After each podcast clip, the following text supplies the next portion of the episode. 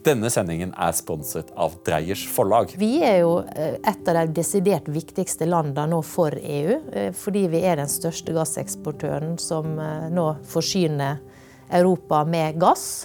Så vi har jo gode forhandlingskort sånn sett på, på hånda når det gjelder å være litt tøffere i å stå for våre egne behov eh, i, i forholdet til EU. Vi blir litt for mye sånne pudler som bare lar oss traktere.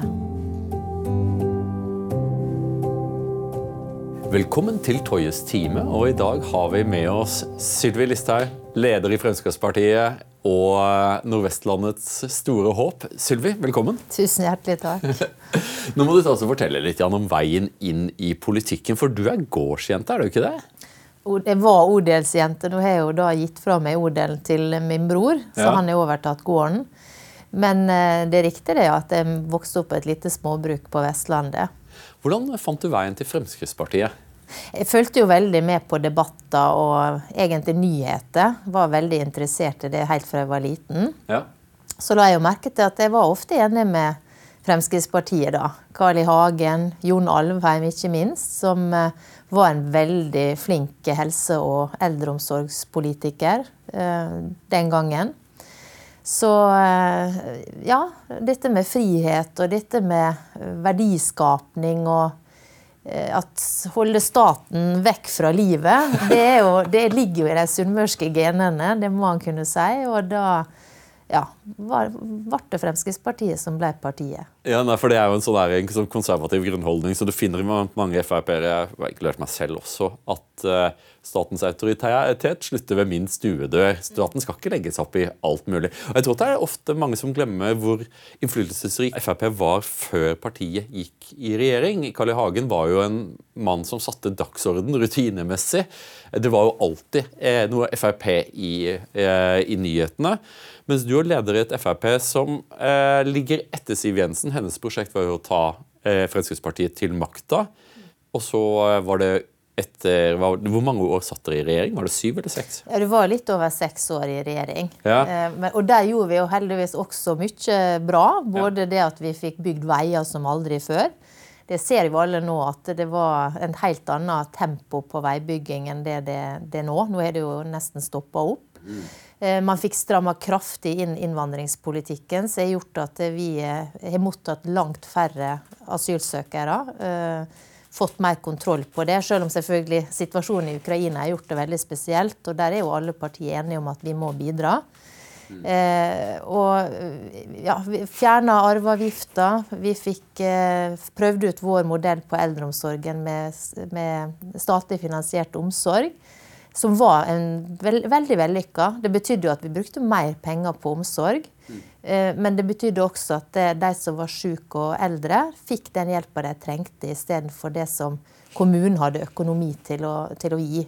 Og når vi ser hvor eh, eh, mange grusomme saker som avsløres i media, f.eks. gjennom denne NRK-dokumentaren, så tenker jeg at vi må spørre oss sjøl om oss eh, virkelig kan sitte og se på at de som har bygd opp dette landet, blir behandla på en så dårlig måte. Nå har jo Arbeiderpartiet og Senterpartiet eh, økt skattene, og nå skal det, nå skal det bygge Er det noen er det noen grenser for hvor mye en stat kan bruke på helsevesenet sitt?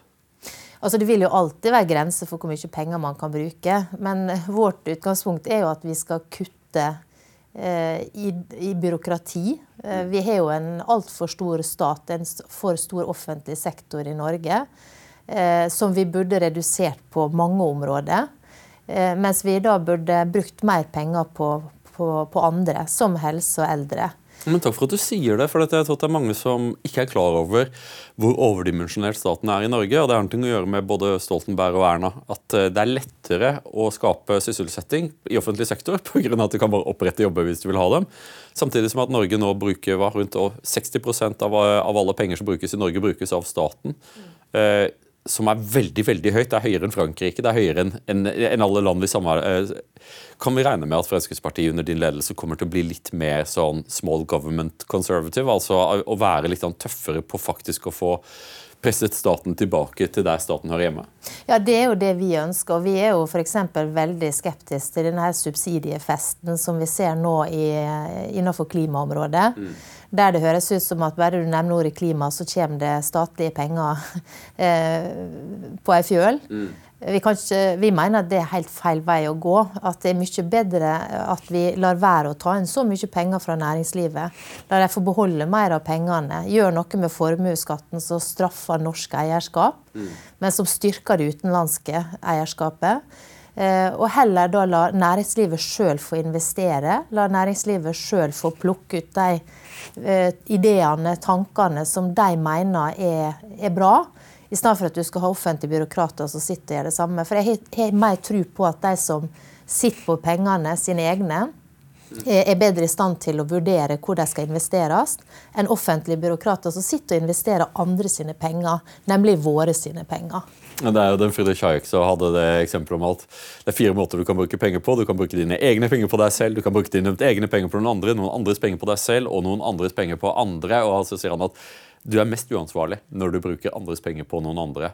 Og det er vel slik det har blitt litt med det grønne skiftet, at det har blitt en gigantisk subsidiefest. Mm. Det som uroer meg, er at dette gjelder jo ikke bare Norge, dette gjelder jo eh, mye av Europa. der eh, våre store selskaper er mer opptatt av å konkurrere om subsidier enn å konkurrere i markedet. Og dessverre også konkurrere for tollbarrierer, for det grønne skiftet har jo også blitt en en måte for Europa å drive proteksjonisme på i klimaets navn. Mm. Men, og det samme med USA, gjennom ja. Inflation Reduction Act, som ja. i realiteten er å bruke enormt mye penger. Det har ingenting med inflasjon å gjøre, i så fall så vil det heller drive den opp.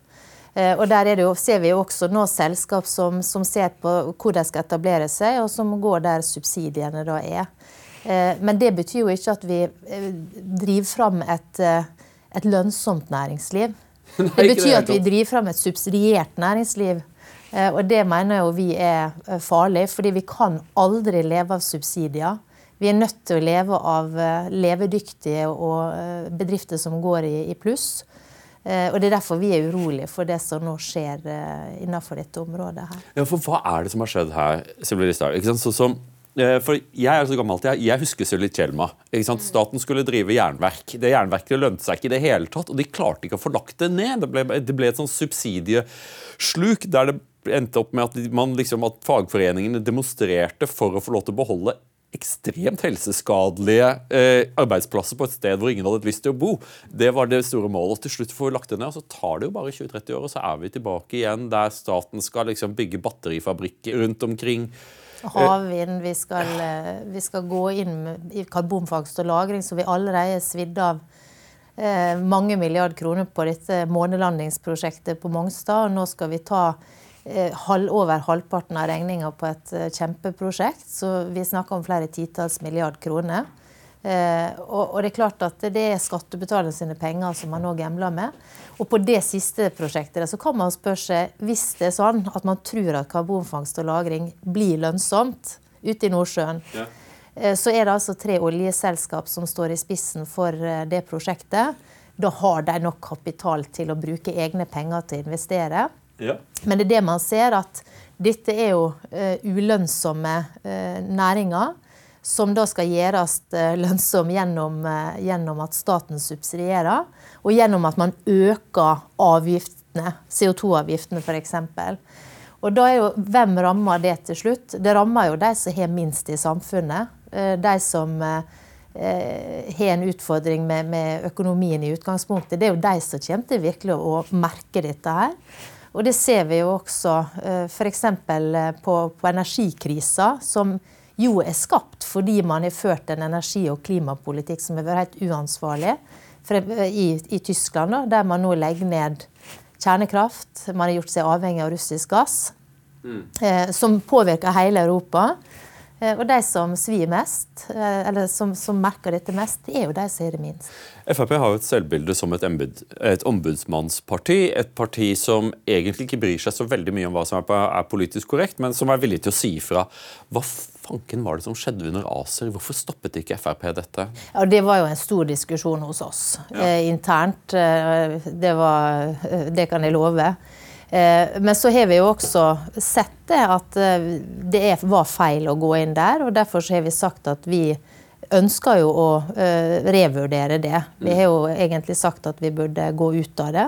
Og vi bør definitivt ikke gå enda dypere inn gjennom den fjerde energimarkedspakken som ligger i departementet nå, og som sannsynligvis ligger godt der. For det kommer jo virkelig til å skape stor eh, diskusjon internt i regjeringa. Senterpartiet har vært tydelig på at det er en sak de ikke kan eh, være med på.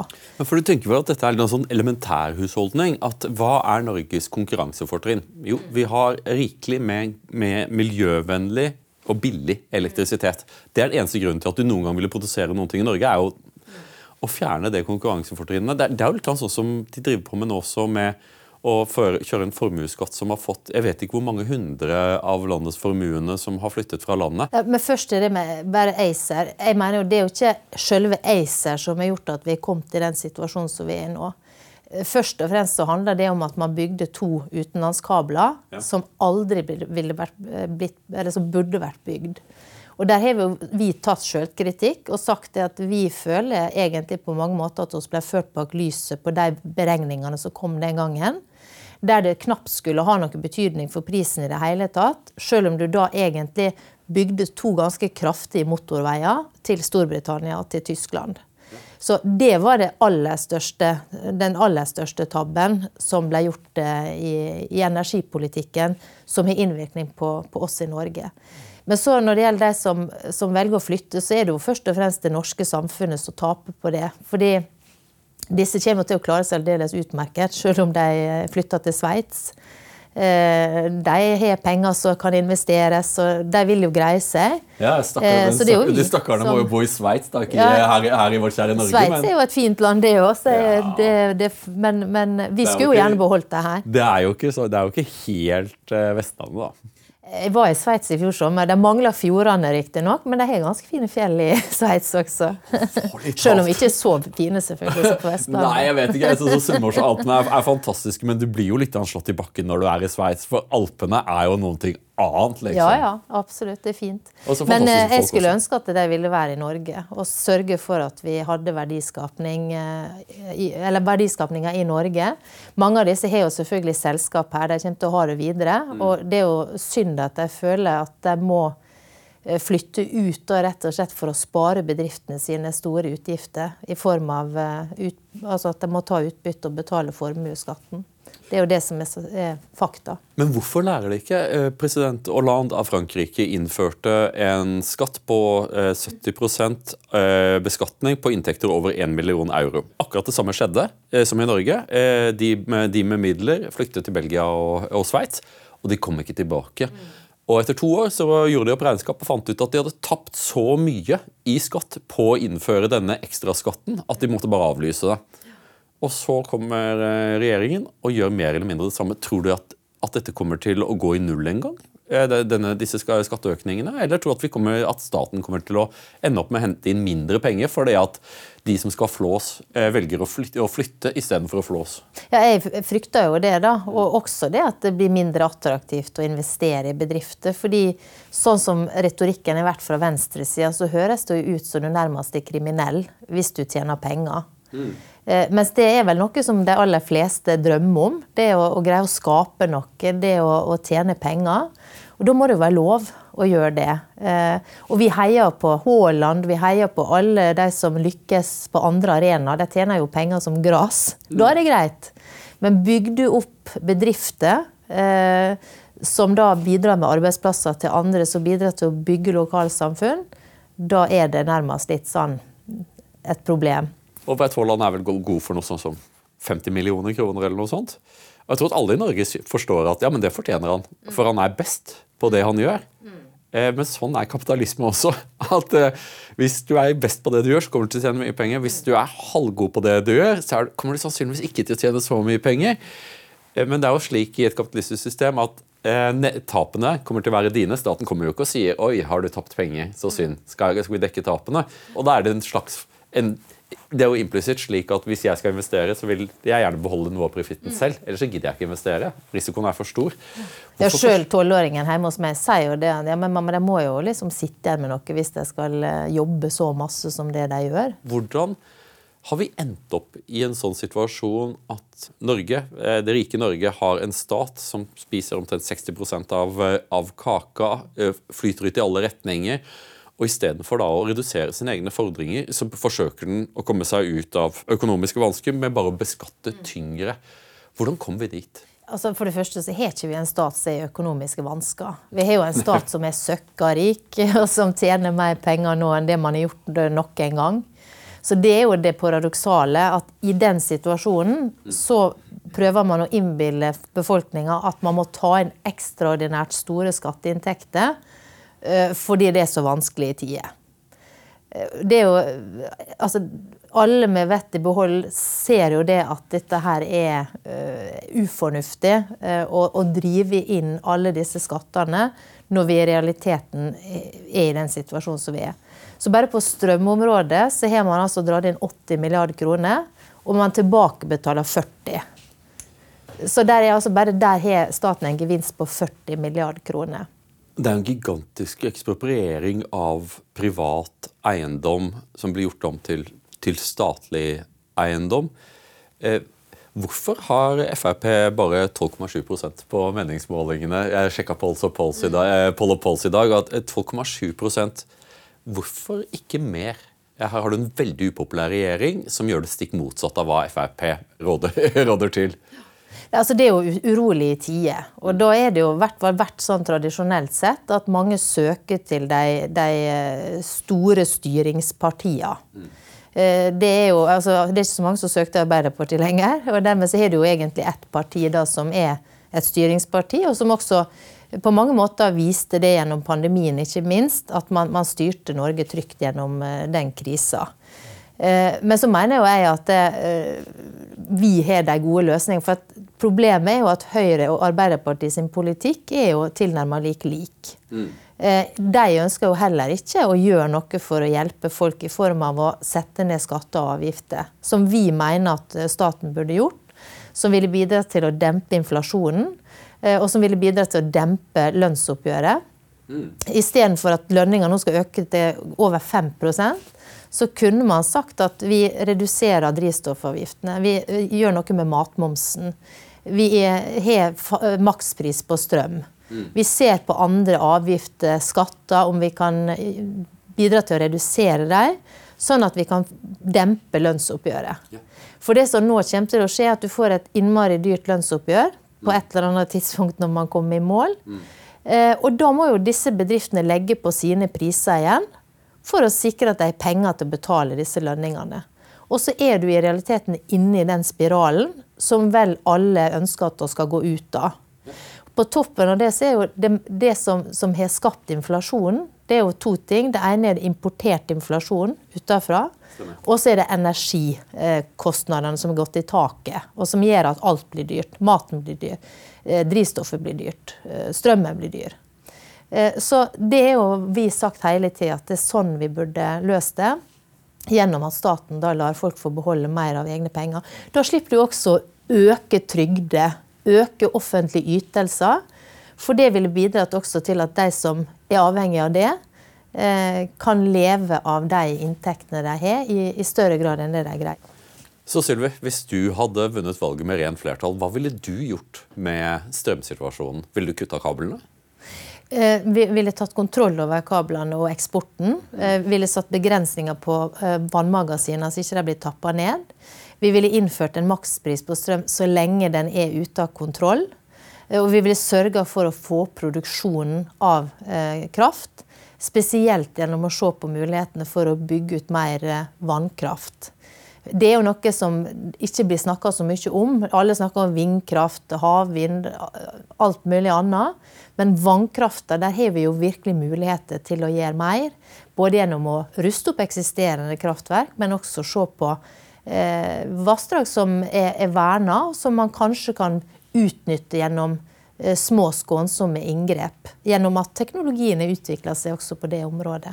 Det var jo bønder som hadde små sagbruk på gårdene sine. Og, og jeg tror det er veldig mye elektrisitet som kan hentes ut av mindre vassdrag også. Altså private vassdrag, og legge til rette for at den som er så heldig som har en bekk som renner i en skråning, at man kan bygge opp et lite, eh, et lite kraftverk. Vi ser dette med å utvikle teknologi. Eh, men, men, for eget land sin del så mener vi at det er mye å hente på vannkraft. Men det er også mye å hente på å se på hva vi bruker energien i dag til. Det er klart det å elektrifisere sokkelen det er jo aldeles meningsløst. Så lenge den gassen som i dag da eh, brukes til å drifte plattformene våre i Nordsjøen, går, heller går ned til kontinentet, og så får du utslippene der. Ja. Det er helt meningsløst. Eh, så, så, vi mener at vi må se både på forbruket og på, eh, og på produksjonen. Og det er klart at I en situasjon der vi går mot underskudd, er det da fornuftig at vi skal bygge store industrier opp som vil kreve mye kraft, som vil bidra til at dette underskuddet kommer raskere? Eh, vi hørte statsministeren si på NHOs konferanse at alt som kan elektrifiseres, skal elektrifiseres. Ja, Høres fint ut, men det må jo stå i stil med hva slags kraft vi har å uh, bruke. Forbruk og etterspørsel må henge sammen. Og det er her vi mener at det er totalt mismatch mellom da uh, hva planer man har for forbruk, og hva planer man har for produksjon. Eh, og vi mener f.eks. at kjernekraft det skal vi jo diskutere nå på landsmøtet, ja. men at det er også noe som man bør kikke nærmere på. Ja, vi må eh, bevege oss gjennom det. Det er, det er landsmøtet, så nå tar du gjenvalg? Ja, nå er jeg ikke på valg. Eh, så, jeg, du, du, så det, det, ingen, du, Men du kommer til å fortsette som leder for Frp til neste stortingsvalg? Det er i hvert fall sikkert, ikke sant? Ja, Det er jo opp til medlemmene i Fremskrittspartiet å bestemme det. Men eh, jeg ønsker jo nå at eh, vi skal bruke tida framover på å bygge oss opp igjen. Til å bli et større parti igjen. Og det har jeg sagt fra start av. at det kommer til å ta tid. Vi er nødt til å bygge stein på stein. Det er ingenting som kommer av seg sjøl. Eh, men, eh, men det, det, er en jobb som jeg virkelig har lyst til å, å, bidra til. Det tar jo tid å bygge opp sakseierskap. Det er jo den gamle historien om at Børge Brende oppdaget at, Høyre, at det var bare 1% av velgerne som mente at Høyre var best på klima. Og så snakket de om klima på innpust og utpost i fire år, brukte masse masse penger. Og så spurte de folka igjen, og så fant de ut at 2 ja. at Høyre var best på klima. Så tar, Jeg er enig i at, at, den biten tar tid. Men hva med erfaringen fra regjering? Fordi at eh, det virket som at den regjeringen fungerte best for Frp da det kun var Frp og Høyre. Og så kom KrF og Venstre inn. Eh, vi skal ikke snakke så mye om, om, om småpartiene, men det virket som at Frp syntes det var vanskeligere eh, å få gjennomslag i en firepartisregjering. Hvordan ser du for, for, deg veien fremover? Kommer du til å være sånn som Siv, at du skal i regjering? Ja, altså, det, det, aller viktigste nå er jo at vi skal ta den diskusjonen etter, altså etter lokalvalget. Da skal vi meisle ut veien fram mot 2025. Og det aller viktigste det er å sørge for politisk gjennomslag. Eh, det mener jeg er helt eh, det mest vesentlige. Påvirke utviklinga av Norge, der vi ønsker mer frihet for enkeltmennesket. Mindre klam hånd fra staten over næringslivet. Eh, at folk skal få beholde mer av sine egne penger og greie seg sjøl i stedet for å bli klientifisert og, og liksom måtte leve av, av staten. Eh, og det er der vi mener at den, den retninga framover blir jo helt avgjørende for, eh, for oss. Eh, hva, hva vi ja, hva, hva, som vil skje der. Men du vil jo tenke at, at, akkurat nå burde jo være en tid hvor Frp fosser frem. Skatter avgifter griper inn i folks private økonomi. Mange opplever dramatisk svekket kjøpekraft. Du har en regjering som ikke er plagsomt ivrige på å forklare hva de driver på med, eller å forsvare det heller. Eh, Hvorfor tenker du at, eh, at, eh, at, så mange velgere søker seg til Høyre? For du sier ja, det er, det er styringspartier og sånne ting. Men Frp har jo ikke vært så synlige heller. Jeg tenker liksom, Hvor ble det av Frp? Hvor ble det av profilene i Frp? Fordi En gang i tiden så hadde vi PSA. Eh, nå er det ikke, det er ikke så mange Per Sandberger der lenger. Hvordan, hva skjedde der egentlig? Det er jo mange, mange som, som slutta, altså gikk ut av politikken. og Da er det jo sånn at vi må bygge nye profiler. Og det som vi har brukt veldig mye tid på de siste to åra, er å bygge organisasjon. Vi har fått eh, mange nye kandidater i eh, kommunene, i Oslo og Bergen, som vi hadde behov for fornyelse. Der har vi fått det. Eh, vi ser at vi har flere småbarnsmødre som er førstekandidater i Bergen, Asker. Jeg kan ikke huske at det skjedde før. Altså, var, jeg har vært en ensom svale i Fremskrittspartiet med små barn. Nå ser jeg at det er flere. Så eh, det aller viktigste vi har gjort de siste åra nå, er å bygge partiet. Det har vært helt nødvendig. Å bruke tid på det. Skolering. Sånn at dette her skal bygges stein på stein. Og, og som sagt, jeg har sagt det fra dag én, at vi skal være tålmodige og, og bygge, bygge, dette her framover. Eh, så, så, skal du nok få se etter hvert at vi skal lykkes med det. Denne sendingen er sponset av Dreyers forlag. Dreyers forlag gir ut mange gode konservative bøker, men en bok som vi skal reklamere for i dag, er Eric Kaufmanns 'Det hvite skiftet'. Det er til alt overmål en bok jeg har lest selv, og vil anbefale dere alle å lese. Det er en bok som forklarer mye av den sterke polariseringen vi ser i vestlige samfunn i dag. Med ganske overraskende funn, vil jeg si. Dreyers forlag har til alt overmål stilt opp med et ordentlig godt tilbud for eh, Minervas lyttere og seere, så klikk på lenken som ligger i beskrivelsen under. Hva tenker du er partiets eh, mål for neste stortingsvalg? For, for lokalvalg er, er, jo lokalt. Eh, men Tror du at Frp har noen mulighet for å kunne komme tilbake der det var under Siv Jensen, opp, tett oppunder 20% ikke i valg, men i meningsmålinger? Altså, Vi skal jobbe for at vi skal bli så stor som mulig. Vi. Det har jeg sagt absolutt hele tida. Det er klart at det er jo viktig for politisk innflytelse også. Eh, at eh, jo større du er, til større innflytelse har du mulighet for å få.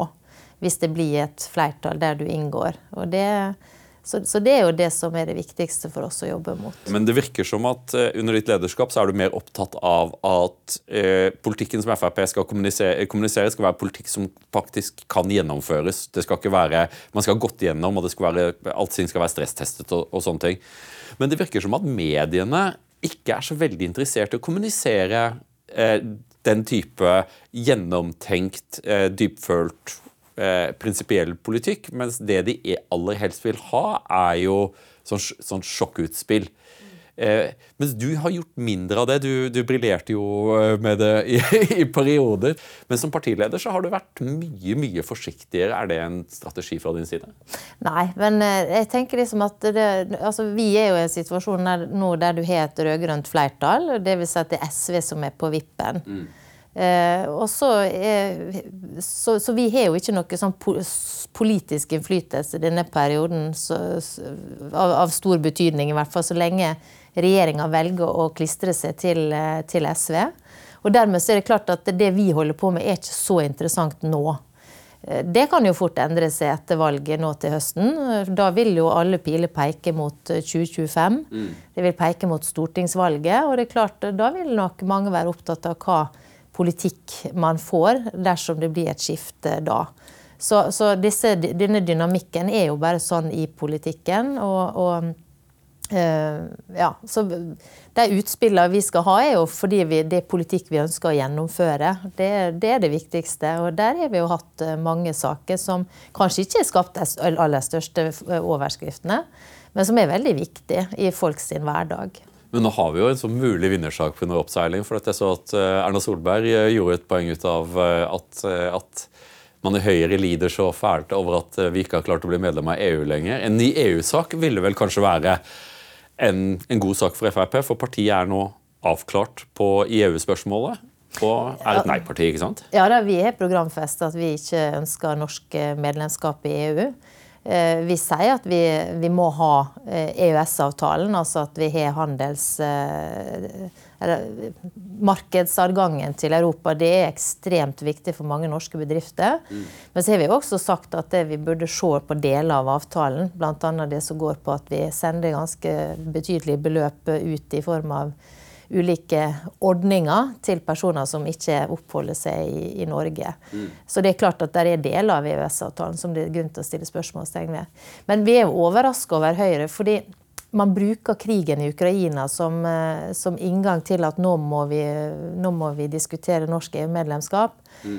Er det én ting som er sikkert, så er det at EU ikke kommer til å være noe sikkerhetsgaranti for Norge. Det er en grunn til at eh, Finland nå er blitt medlem av eh, Nato. Mm. Sverige ønsker å bli det. Begge de er medlem i EU, mm. men de går inn i Nato. Ja, eh, så det er Nato som er det viktigste. Og, og, når det gjelder EU, så mener jo vi at vi burde kanskje i flere saker vært litt tøffere og sett på dette med reservasjonsretten, som vel aldri har blitt brukt. At vi er litt mer kritiske til hva som tjener Norge, og hva som ikke tjener Norge. Mm. Eh, og, og, vi er jo eh, et av de desidert viktigste landene nå for EU. Eh, fordi vi er den største gasseksportøren som nå forsyner Europa med gass. Mm. Så vi har jo gode forhandlingskort sånn sett på, på, hånda når det gjelder å være litt tøffere i å stå for våre egne behov i, i forholdet til EU. Vi blir litt for mye sånne pudler som bare lar oss eh, traktere. Men Det har også vært en norsk, norsk strategi. Ikke lage noe trøbbel, og så, eh, håpe på at, ikke, at, EU skal lage noe trøbbel for oss. Nå tror jeg mange ventet at EU fikk kontroll over migrasjonssituasjonen i 2015. Eh, mens året som ligger bak oss, 2022, ble et nytt toppår. Over 200 000 ulovlige migranter tok seg over Middelhavet og Egerhavet. Og mye tyder på at vi kommer til å få en ny fullskala migrasjonskrise eh, i 2023. Eh, Ylva Johansson, er, eh, som er venstreekstremist, tidligere kommunist, nå eh, prinsipielt motstander av grenser. Eh, og nå da sosialdemokrat, har EU i, sitt, i, sin klokskap satt til å forvalte dette. Hun har ikke vist noe særlig interesse for grensespørsmålet så langt. Hvordan kan Norge knytte seg til et så uansvarlig eh, regime, og hva skal vi gjøre hvis og når eh, migrasjonskrise inntreffer til sommeren, og Arbeiderpartiet eh, opptrer slik. Vi må, må, jo bare anta at de kommer til å gjøre sånn som forrige gang, at Jonas kommer til å si at vi skal ta imot 10 000 eller 100 000 og så kommer hele verden. Hvordan skal vi komme oss ut av dette? Hvordan, hva kommer Frp til å gjøre for å hindre at vi ender opp i 2015 igjen? Altså, jeg tror det at det, Når det gjelder å håndtere disse grensene, så he, altså, vi er helt avhengig av resten av Europa der. Fordi at Kommer disse personene seg over Middelhavet, så er det egentlig fritt fram å reise til hvilket som helst europeisk land. Så har du jo den mekanismen som gjør at du skal søke det første landet du kommer til. Det gjør man jo ikke hvis man ønsker å reise til et annet land. Eh, men, men, så jeg tror ikke vi kommer utenom at vi må samarbeide om å håndtere dette spørsmålet. Men de håndterer det jo ikke! Nei, og Derfor så må vi samarbeide med de landene eh, for å presse på. Danmark eh, er jo et av de landene som har tatt til orde for at du skal ha eh, asylsentre i tredjeland. At du skal sende de som kommer til Europa, videre da til tredjeland. Sånn at du får stoppa denne båttrafikken over Middelhavet. Det er løsninga på det. For ellers så er det klart at det, det Vi har sett at EU ikke håndterer dette, disse grensene tidligere. og jeg tror det, det, er veldig vanskelig å få det til så lenge folk ser at bare du kommer over til europeisk jord, mm så får du bli der. Og det, det har jo vært situasjonen. Norge har vært et av de landene som har returnert mange. Mm. En god policy. Det sørga Fremskrittspartiet for når vi var i regjering. At vi satte rekorder på rekorder for utsendelse av folk som var ulovlige. Eh, mens veldig mange europeiske land det de sender ikke ut folk som får avslag. og Dermed så vil dette bare gjøre at flere og flere ønsker å komme. Mm. Så man må ta, ta, ta, ta grep der. Og det, Storbritannia gjør jo nå det samme. Nå er det vel noen rettslige prosesser der uh, i forhold til det. Men det er jo det som er løsninga. Det var det som løste også floka for Australia, uh, som også hadde dette problemet. Mm. Men når de begynte å sende folk tilbake, da var det stopp. For det er ingen som bruker pengene sine på uh, å reise et sted der du blir sendt tilbake og egentlig bare kaster vekk penger. Vil Norge så følge med, med Danmark og bygge opp Eh, mottakssenter i tredjeland, slik også Storbritannia har gjort, dersom Frp kommer tilbake eh, i regjering? Ja, Det mener jeg absolutt at det bør være eh, et mål at vi skal gjøre. Vi har jo fremma forslag om det på Stortinget også. Gøran Kalmer var jo i Rwanda før vi gikk ut av regjering. Han var vel der når vi gikk ut, faktisk.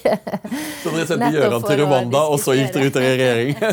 det var jo det et av, av de spørsmålene som var interessant. Og det var jo for at Rwanda var et av de landene som som, eh, som har sagt at de er interessert i, i den type avtaler. Eh, så definitivt, det mener jeg at vi bør eh, se på, ja. Og nå ser vi jo at ankomstene også fra andre enn Ukraina øker.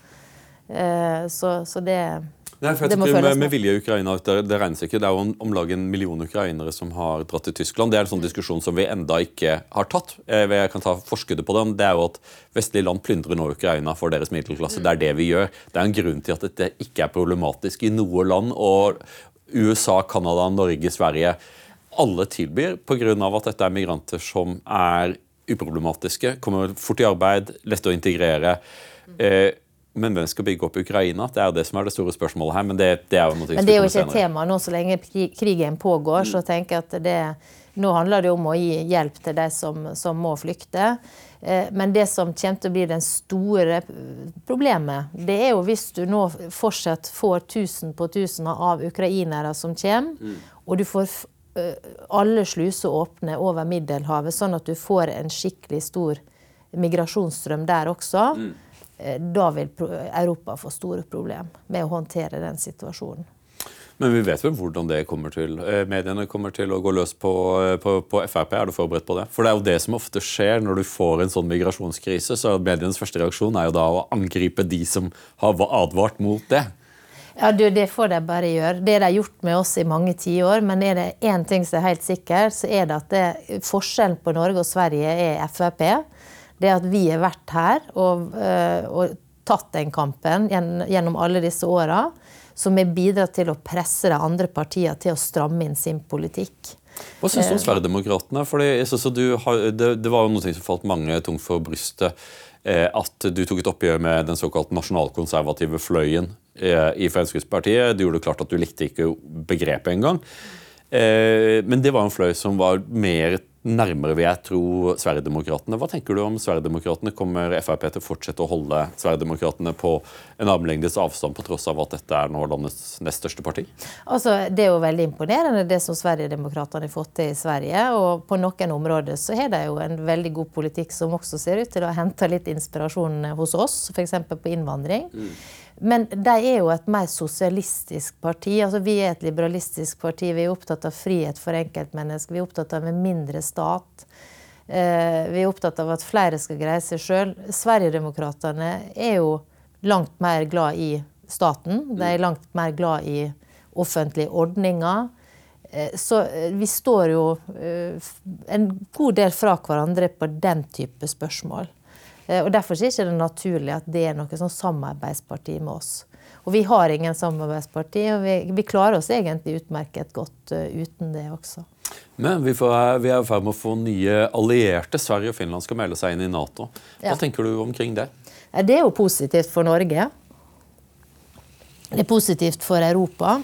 For det er klart det er jo to land som har gode kapasiteter innenfor forsvarsområdet, ikke minst eh, Finland. Og det som har vært imponerende med finnene, det er at de etter den kalde krigen valgte å ikke bygge ned Forsvaret, i motsetning til resten av Europa.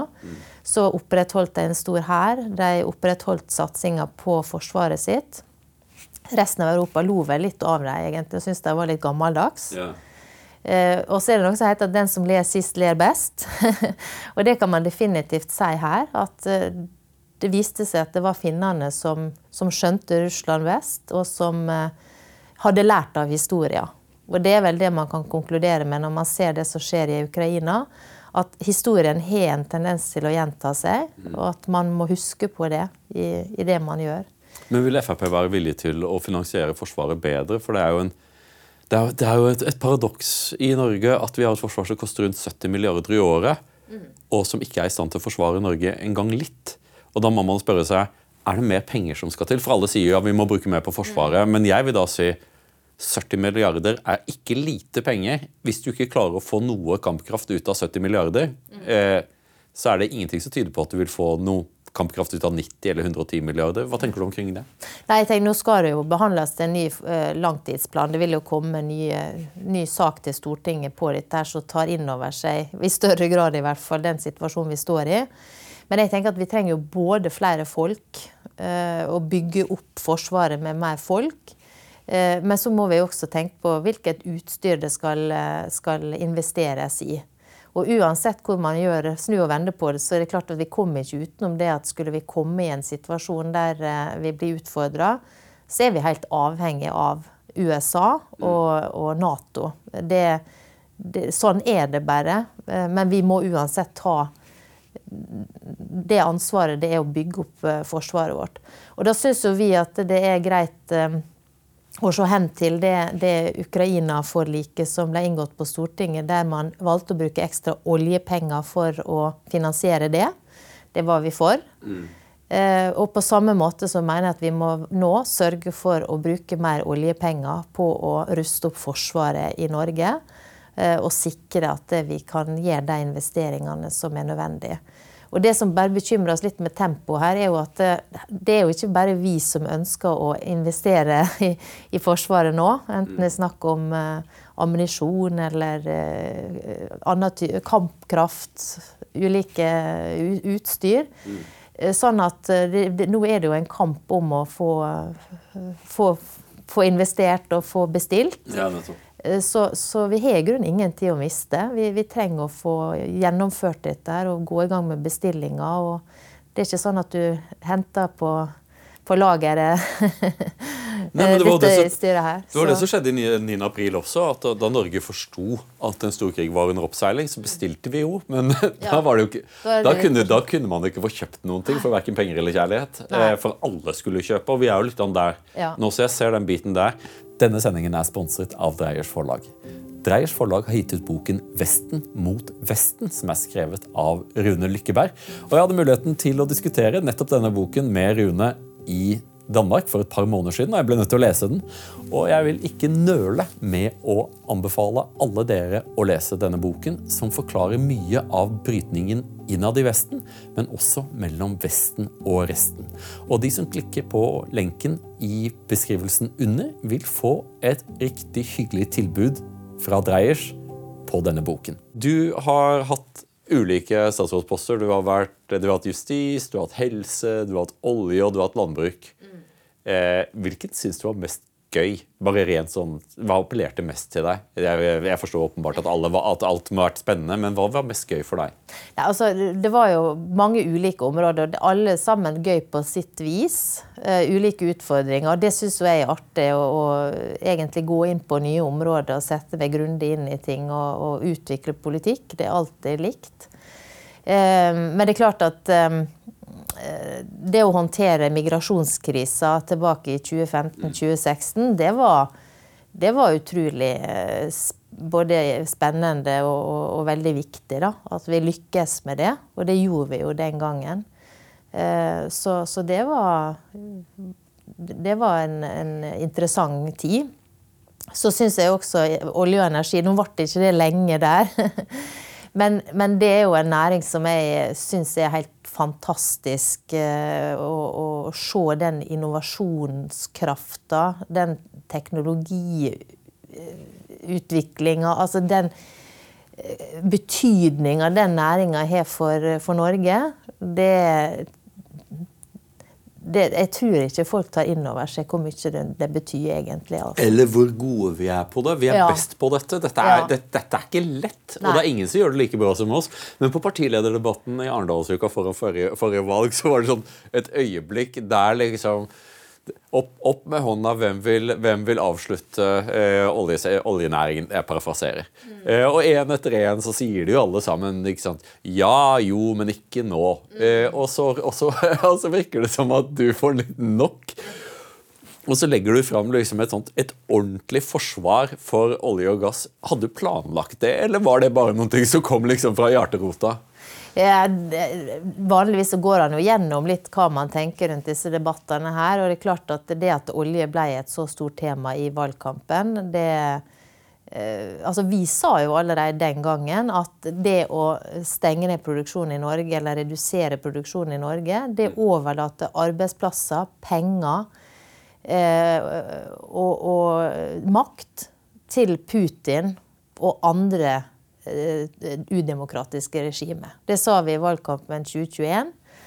Og så har det jo virkelig vist seg i ettertid hvor riktig det er.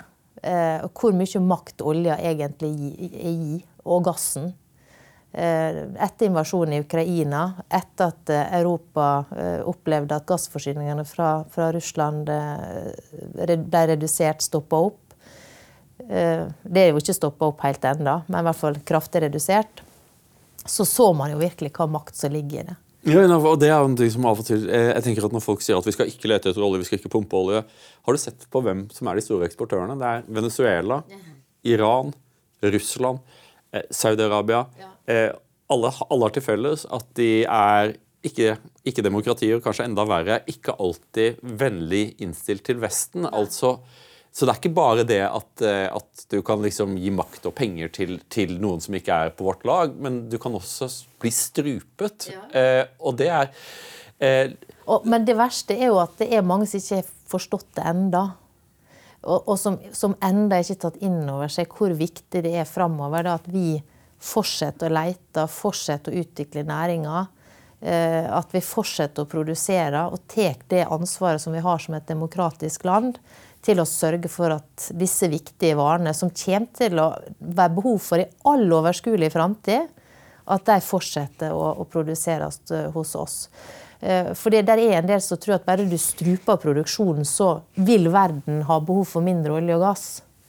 Det er sånn som månelandingen. altså Bare fordi vi trenger en månelanding, så klarer vi å oppfinne den. Men ja, det klarte vi jo ikke. Og Gjør ikke det. Man må starte med å uh, senke behovet gjennom at du har ny teknologisk utvikling, at du finner på nye produkter som ikke trenger disse varene. Men uansett hvor du snur og vender på, det sier jo de aller fleste at du vil ha behov for olje og gass i all overskuelig framtid, selv om du får til endringer på, på, på, på mange områder. Ja, men, liksom, men, verden ser helt annerledes ut hvis du sitter enten i Norge eller i California. Hvis du sitter et annet sted enn Norge og California, så vil du se hva, det du sier er helt riktig. Ta en tur til India. Er det ja, mye elbiler i India? 1,4 milliarder mennesker. ikke sant? Det er ikke mye elbiler i California heller. Jeg har akkurat vært der. Det er ikke mye elbiler i Tyskland heller. Jeg var der i fjor sommer. ikke sant? Fordi at I Norge så er det mye elbiler, men generelt sett ellers så er det ikke så veldig mye elbiler. Det kommer til å komme mer og mer der også, uten tvil.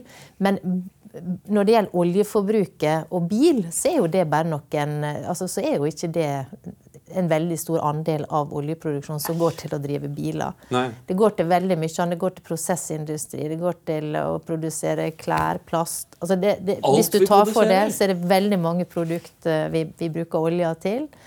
Eh, og det er liksom det som, den erkjennelsen som jeg føler er litt eh, Det er mye ønsketenking, eh, men jeg mener jo at energikrisa har vist at vi må bort fra ønsketenking, og så må vi begynne å ta realitetene inn over oss.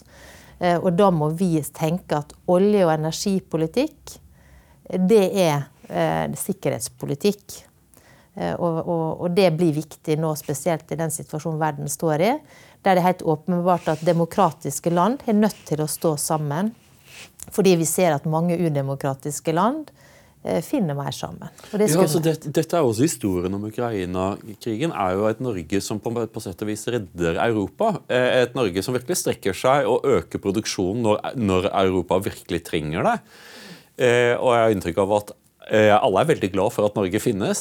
Du har snakket om godhetstyranni. Er dette et sånt godhetstyranni-aspekt. Dette med at, at, folk som burde vite bedre, ønsker å sage over på den grunne grena de sitter på? Godhet Jeg tror det må være sånn eh, at man lider av en ønsketenking. Eh, at man går vekk fra det rasjonelle og, og, Man vil jo gjerne at alt skal være fint, alt skal være flott, at alt skal være sånn som det ideelt sett burde være. Men så er det jo sjelden det, da. Eh, så man må være realistisk. Og det var det jo samme i forhold til eh, migrasjonskrisen. Mm. De som tok til orde for at vi skulle åpne våre grenser og våre hjerter og alt. Det er jo fint det å framføre et budskap, men realitetene er jo at vi må tenke litt lenger enn nesetippen rekker. Mm. Og det gjelder egentlig på alle områder tenker. Det å være den som står for disse standpunktene, spesielt som kvinne Det virker bare for meg som at folk blir spesielt sure når det, når det kommer fra en kvinne. Hvordan har det vært eh, å, å bli Frp-leder? For det, eh, ofte så er det jo sånn der eh, Vil du ha makt? Men det er jo en pris du betaler i ditt privatliv.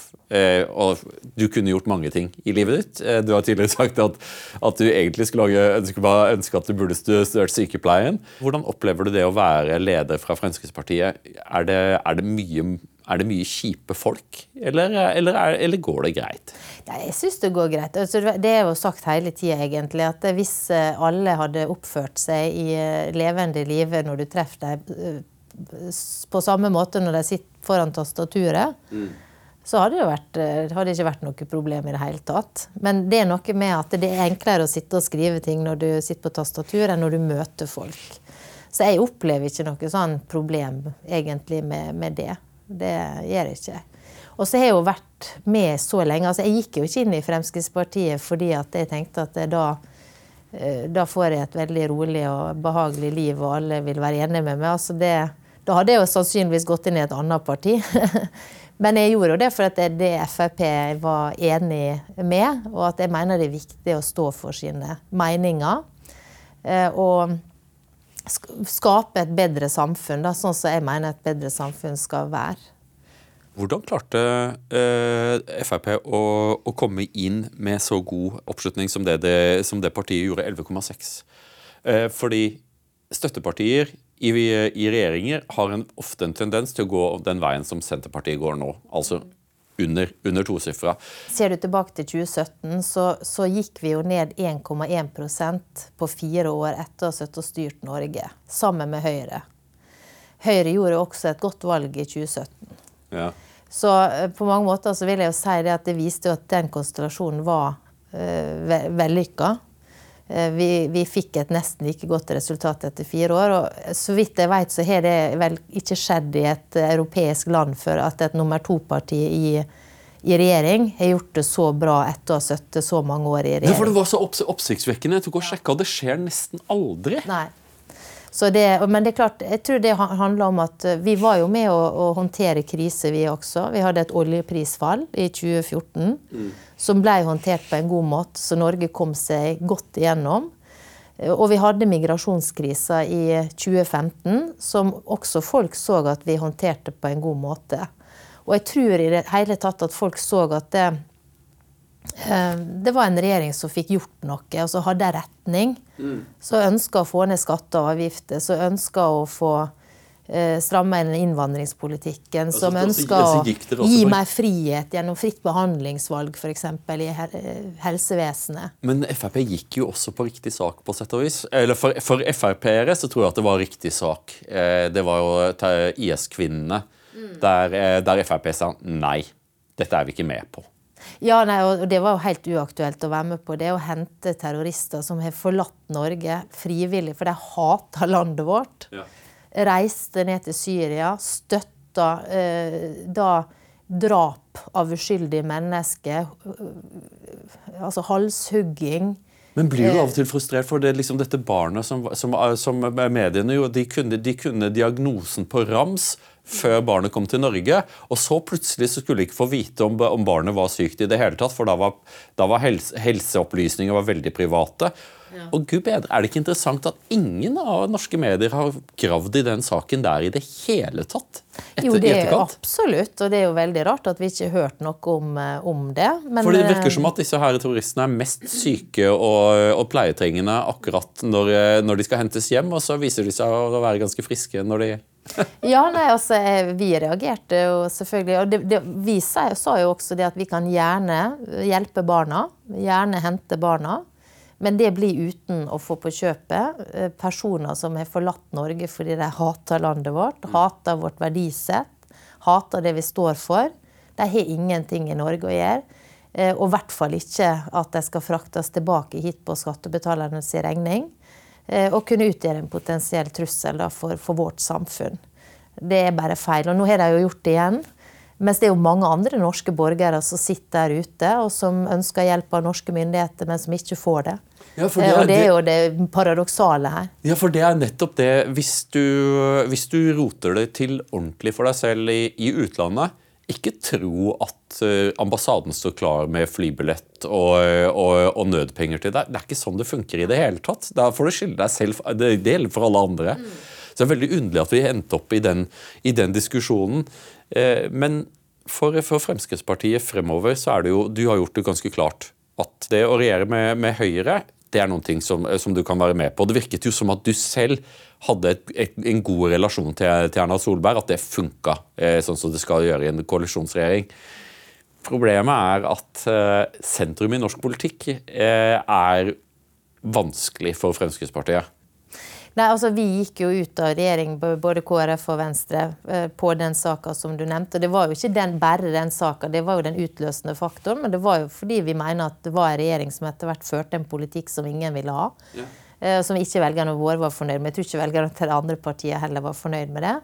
Men når det gjelder neste valg, så tenker jeg at nå skal vi ha en diskusjon i Fremskrittspartiet når vi kommer over lokalvalget. Og så skal vi stake ut kursen mot 2025. Eh, så det skal vi gjøre i, ro og mak da.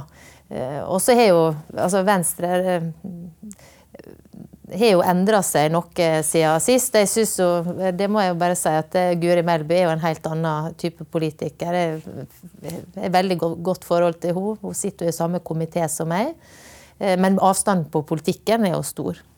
Men det hjelper jo eh, dersom man kan forholde seg til hverandre på en høvisk og ordentlig måte. For jeg syns det er ofte der det har skortet fra, eh, Venstre at at det er såpass injurierende at det er vanskelig å holde på den gode tonen. Du kan ikke kalle meg nazist og så forvente at jeg skal være blid, liksom. Men, men eh, Sylvi, hva, hva, ligger foran for deg? Nå er, liksom, nå er, vi, eh, nå er vi helt på tampen her. Du sa at du nettopp har kommet tilbake fra Amerika. Hvor, hvor går sommerferien i år? Kommer du, å, kommer du til å ta noe ferie før du drar i gang med kommunevalgkampen, eller er det rett på? Kommer dere til å gjøre sånn som dere pleier, at Frp tar ferien mens alle andre er på ferie? Så, driver, så starter Frp valgkampen? Det kommer ikke til å bli så mye ferie på meg nå i sommer, nei. For uh, da, turen til USA med den uh, svake krona si nå, det får være årets ferie. Åh, det er jo vilt. Altså, jeg var en tur i USA også, og jeg har ikke opplevd maken. Den står jo over tolv kroner, jo. Ja, nå var det 10,50 ca. Men og i tillegg så er jo prisene økt der borte. Det, det merkes. Så det var, det var, en helt annen Det ble ikke så mye shopping som uh, vanlig der borte. Det. Så det blir, det blir norgesferie på deg? Kommer, kommer, du til å gjøre noe sånt stunt? Kommer du til å være noen campingvogn sånn Trond Giske-style, eller kommer du til å, å, reise til byene og de store lagene? Nei, altså vi kommer til å reise landet rundt. og Planen er at vi skal ut med bobil uh, og turnere med det. Jeg syns det var en veldig fin måte å gjøre det på. Da bor du på campingplasser, snakker med folk. Eh, og så har du med deg alt du trenger. Du slipper å fare inn og ut eh, på hotell og, pakke inn og pakke ut. Skal du ta med Espen og ungene også på dette? her? Ja, det så, i hvert fall de yngste gutta og Espen skal være med på eh, i juli. Ja. Og så må de tilbake til hverdagen og etter hvert skole og sånn. Så da skal de koble seg av. Men jeg er veldig glad for at jeg får dem med i juli, for det er klart ellers hadde jeg sett veldig lite til dem. Ikke fortell barna mine om denne campingferien, for barna mine har veldig lyst til å dra på campingferie, og jeg har lyst til å virkelig å unngå det. Men jeg er hyggelig å høre at, at du liker det. Anbefales absolutt. du, du trives på campingplass? Jeg syns det var veldig greit. Absolutt. Ifølge fordommene så er jo campingplassen er jo et sted hvor Frp har mange velgere, så det er, det er bra at du trives der. Kanskje bedre enn meg. ja, nei, jeg som sagt. Bare prøv det, så er jeg sikker på det du hadde likt det. Får kanskje henge meg på til sommeren. Sylvi Listhaug, tusen takk for at du kom på Toyes time. Det har vært en glede å ha deg her. Takk for meg. Toyes time er en Minerva-podkast.